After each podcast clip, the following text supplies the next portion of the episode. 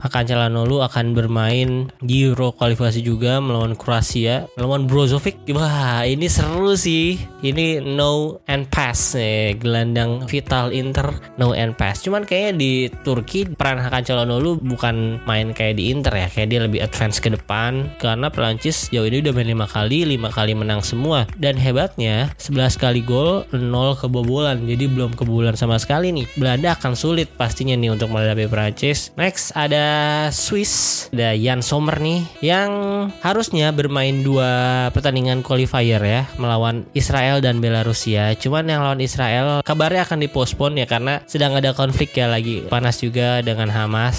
Nah harusnya didiskualifikasi kayak Rusia kemarin daripada nanti udah lolos ke Jerman nanti gubernur Munchen atau gubernur Hamburg menolak kedatangan Israel.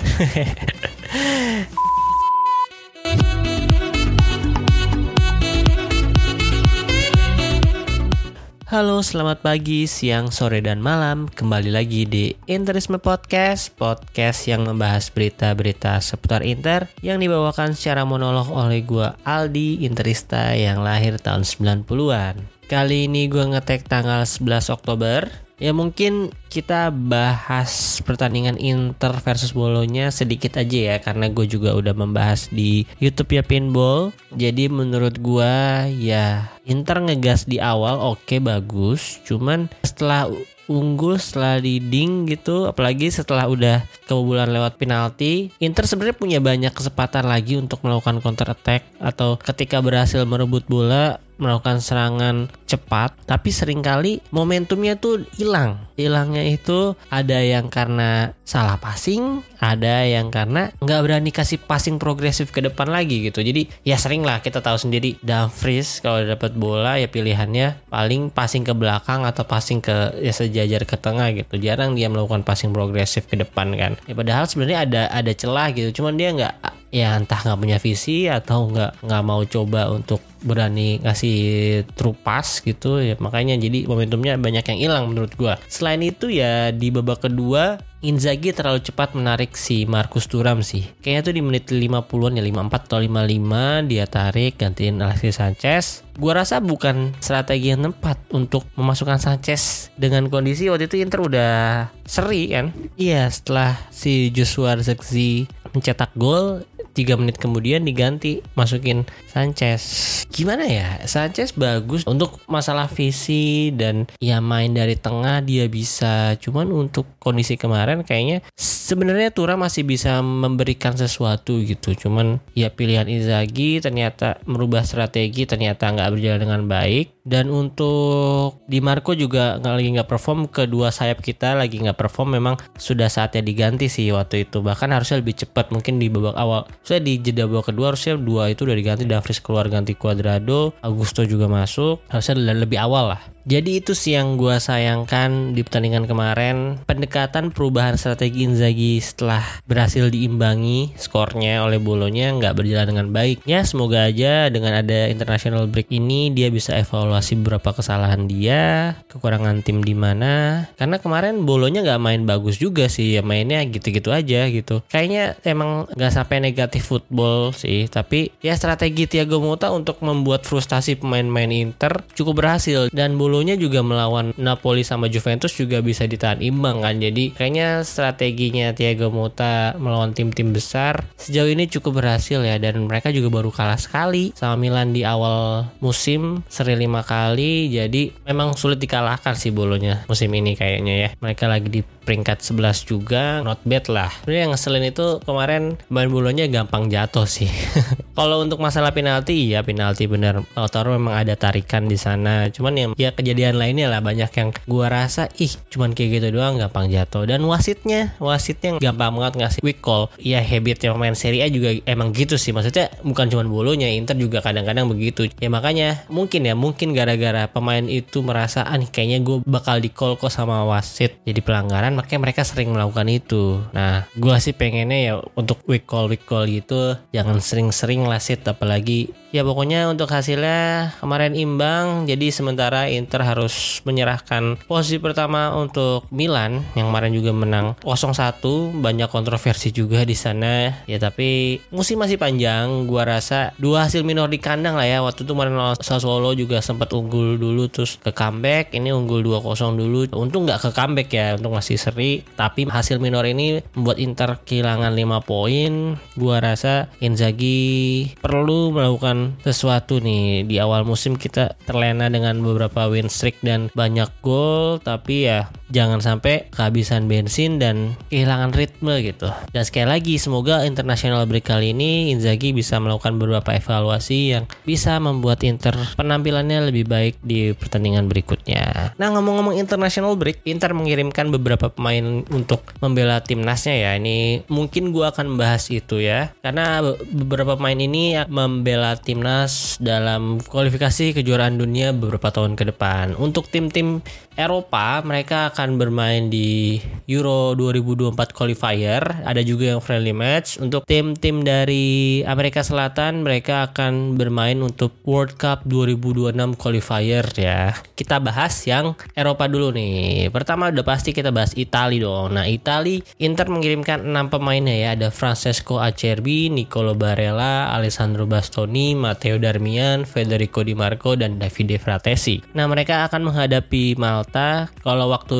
setempat itu tanggal 14 di Bari di Italia Kemudian tanggal 17-nya akan menghadapi Inggris di London. Wah, berat nih. Sejauh ini untuk di kualifikasi Italia berada di peringkat 2 grup C, baru main 4 kali ya dengan poin 7, menang 2 kali, kalah sekali, seri sekali. Ini kan tiap grup yang diambil dua ya. Jadi dari 5 tim yang diambil dua, Italia masih punya 4 game lagi sebenarnya nih. Jadi peluang Italia cukup besar lawan Malta dan Inggris. Oh ya berarti sisanya akan melawan Ukraina dan North Makedonia lagi nih. Yang secara di atas kertas harusnya mereka bisa. Jangan sampai lah si Italia gagal lolos lagi ya. Oke okay, next ada Turki ya akan Calhanoglu akan bermain di Euro kualifikasi juga melawan Kroasia melawan Ivan Perisic eh enggak deh Perisic masih cedera ya melawan Brozovic wah ini seru sih wah seru sih ini no and pass nih gelandang vital Inter no and pass cuman kayaknya di Turki peran Hakan Calhanoglu bukan main kayak di Inter ya kayak dia lebih advance ke depan ya ke AMF atau CMF mungkin ya nggak bakal main ke belakang sih lo di Turki. Selanjutnya dia akan lawan Latvia tanggal 15-nya. Kalau Turki ini tergabung di grup D masih berada di peringkat 2 juga, main 5 kali, 3 kali menang, satu kali seri, satu kali kalah, poinnya 10 sama dengan Kroasia yang di peringkat 1. Cuman Kroasia baru bermain 4 kali. Di bawahnya ada Armenia, Wall sama Latvia. Ini Latvia belum menang sama sekali, jadi harusnya Turki bisa menang cukup mudah lah lawan Latvia ya. Kecuali kalau mainnya basket, ini Latvia lagi bagus kalau di basket nih. Kemarin main di Piala Dunia di Indonesia, supporternya keren-keren dan kualitasnya bagus, kompak, kolektivitasnya bagus. Jadi nggak hanya mengandalkan satu individual doang ya. Mereka punya big main bintang sebenarnya Kristaps Porzingis cuman lagi cedera. Tapi udah, mungkin ini bukan podcast tentang basket. ini podcast tentang Inter. Jadi kita lanjut setelah dari Turki kita ke Belanda. Belanda ada Stefan De Vrij dan Denzel Dumfries. Sayangnya David Klaassen juga nggak dipanggil lagi. Ya memang uh, ya udah menurun sih. Padahal terakhir di Piala Dunia kemarin dia masih vital, masih sering dipakai. Nah kalau Belanda akan menghadapi Prancis dan Yunani nih. Prancis tanggal 13, Yunani tanggal 16. Uh, akan menghadapi Marcus Thuram dan Pavard nih mereka berdua nih. Kalau Denzel Dumfries sebenarnya masih sering main ya. Starter bahkan di International Break Indo kemarin dia ngasih dua assist, satu gol apa. Jadi memang Denzel Dumfries kalau di Belanda masih jadi andalan sih. Kalau di Fry mungkin nih ketutup, bukan ketutup sih, kesempatannya jarang ya karena ada Delit juga, ada Nathan Ek juga yang lagi bagus. Ya kalau Virgil van Dijk ya karena kapten juga susah digeser sih. Kalau Belanda saat ini berada di peringkat 2 juga di grup B bersama Prancis, Yunani, Ireland dan Gibraltar. Kalau untuk Gibraltar ini memang tim yang saat ini lagi di juru kunci belum pernah menang, belum pernah cetak gol juga jadi minus 17 gol difference-nya.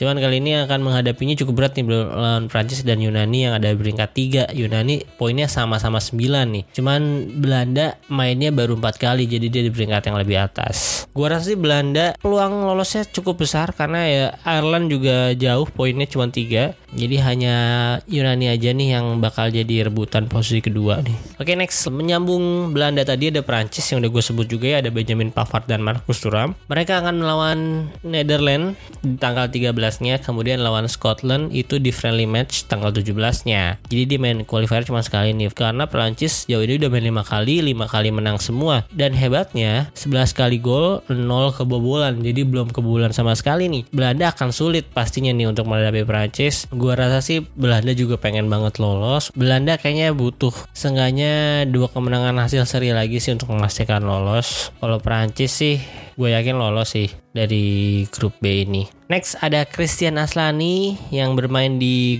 Albania. Albania berada di grup E. Saat ini masih berada di puncak grup ya dengan 10 poin, 5 pertandingan, 3 kali menang, 1 kali seri, 1 kali kalah. Di bawahnya ada Ceko, Moldova, Polandia dan Kepulauan Faro atau Faro Island. Ini grupnya memang relatif lebih mudah ya. Paling yang agak sulit levelnya ada Polandia yang sudah lumayan menurun ya. Lewandowski sudah tua, Sesni sudah tua. Regenerasinya belum kelihatan lagi nih Polandia. Padahal kemarin di World Cup juga sempat merepotkan, repotin Argentina juga kan. Menurut gue sih Albania masih belum terlalu aman ya karena posisi secara poin dia udah main 5 kali tapi baru 10. Ini kalau Ceko bisa menang kekejar langsung dengan game yang sama poinnya 11. Di bawahnya ada Moldova dengan 8 poin juga. Jadi belum terlalu aman Albania tapi gue harap si Christian Aslani dapat menit yang banyak sih di Albania ini jadi ya semakin terasah lah di level Eropa. Next ada Swiss. Nah, kali ini ada Jan Sommer nih yang harusnya bermain dua pertandingan qualifier ya melawan Israel dan Belarusia. Cuman yang lawan Israel kabarnya akan dipospon ya karena sedang ada konflik ya lagi lagi panas juga dengan Hamas. Ya, gua sih yang jelas di sini tidak mendukung Israel ya, tidak seperti akun-akun ada akun NBA, ada akun sepak bola juga gak sih yang yang ngasih bela sungkawanya ke Israel gitu. Emang sih ya gua ngomong ngomongin itulah nggak mau politik skip skip skip ya gue harap juga Inter nggak memberikan statement untuk mendukung Israel dan selanjutnya akan melawan Belarusia tanggal 15 nya ya ini kalau kita lihat dari grupnya di grup E Swiss masih di puncak klasmen di puncak grup sementara dengan poin 14, main 6 kali, menang 4 kali, seri 2 kali, belum pernah kalah. Di bawahnya ada Romania, Israel, Belarusia, Kosovo, dan Andorra. Nah, jadi di satu grup ada 6 tim nih beda sama yang sebelumnya. Tapi yang lolos tetap 2. Nah, kalau lihat dari poin-poinnya dan lawan-lawannya, Swiss sangat berpeluang lolos banget ini masih oke okay lah karena yang tiga teratas poinnya tipis-tipis, cuman empat tiga terbawahnya jauh banget. Jadi Romania poinnya 12, Israel poinnya 11, Belarusia posisi 4 itu cuma 4 poinnya. Jadi harusnya gampang nih apalagi nih uh, Israel kan lagi-lagi kita bahas Israel dikit, lagi ada konflik. Nah, harusnya didiskualifikasi kayak Rusia kemarin.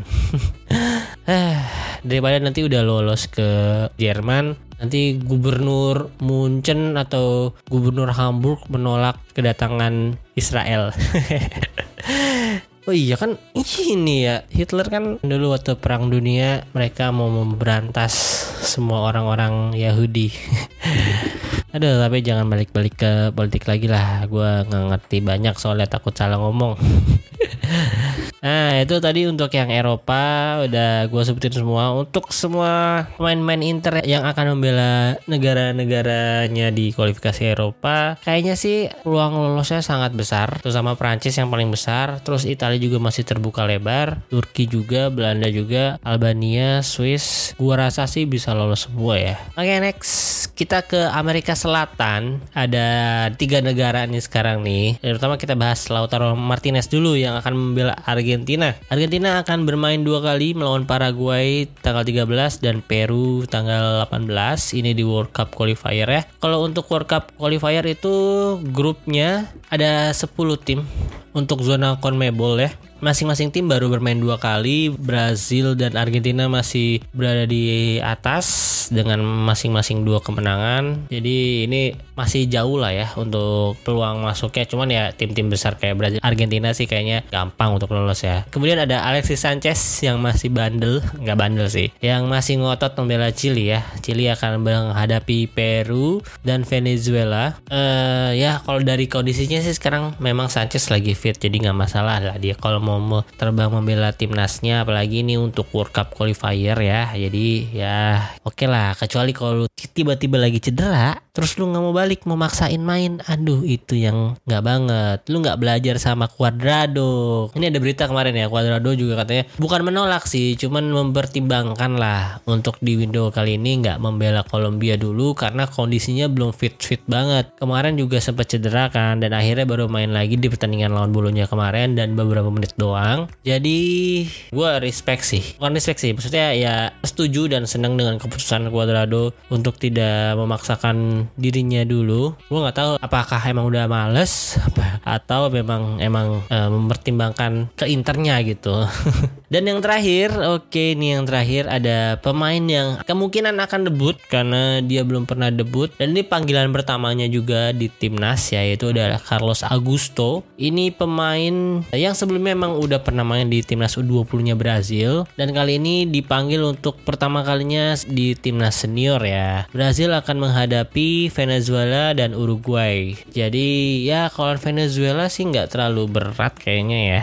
Uruguay-nya ini loh yang kemungkinan ya akan sulit menit bermain ya. Karena ya kita tahu menurut gue Brazil punya banyak pemain-pemain yang berkualitas tiap tahunnya gak bakal kehabisan jadi pasti sulit banget untuk bermain di timnas Brazil ya untuk saat ini sih kalau untuk Augusto pasti akan main di posisi back kiri ya back kiri itu saingannya mungkin ada Renan Lodi terus Danilo yang ya masih jadi andalan juga di Brazil ya. Teman dia bisa di kanan bisa di kiri. Dia versatile sih jadi mungkin bisa dimainin di beberapa posisi jadi nilai plus lah. Selain itu siapa lagi ya? Alexandro udah nggak dipanggil. Ya paling itu sih saingan terberatnya Renan Lodi sejauh ini. Luis Felipe juga udah enggak harusnya Carlos Augusto bisa debut nih besok. Lawan Venezuela dari bangku cadangan lah nggak apa-apa. Nah jadi itu dia pemain-pemain Inter yang akan berlaga di international break membela timnas negaranya masing-masing ya. Kalau yang timnas juniornya gue nggak tahu kayaknya si Yan Bisek sama Agumi juga dipanggil langganan kalau misalnya ada pertandingan. Dan harapan harapan gue selain mereka menang semua, mereka sehat semua ketika kembali ke Apiano Gentile. ya, yang udah-udah kan banyak terjadi lah ya, udah sering terjadi setelah international break pada cedera, pada nggak perform. Gue harap sih nggak ada lah kejadian itu kali ini. Karena ini beresiko banget. Ini bukan friendly match loh ya, bukan cuma di friendly match ini untuk qualifier.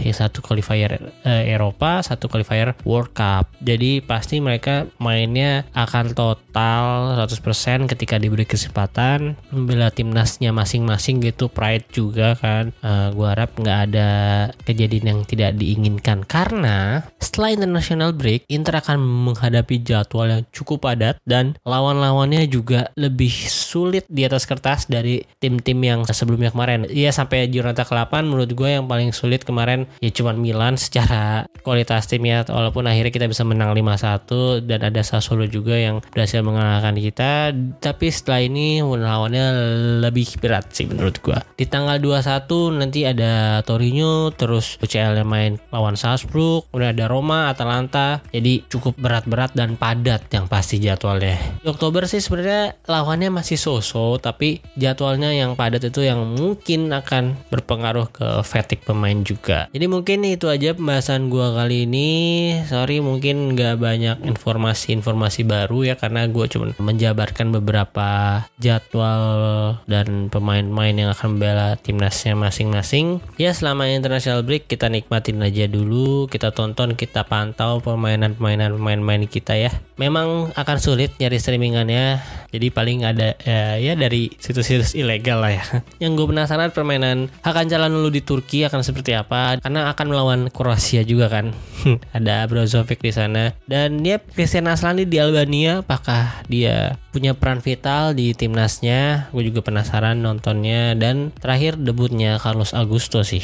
Jadi teman-teman jangan lupa follow akun sosial media gue. Kalau di Twitter ada Interisme Media, di Instagram ada Interisme Podcast. Follow dan subscribe channel podcast gue di Spotify atau di Noise atau ada di platform lainnya. Bebas kalian mau dengerin lewat mana. Sekali lagi terima kasih. Adi Fiderci, Forza Inter.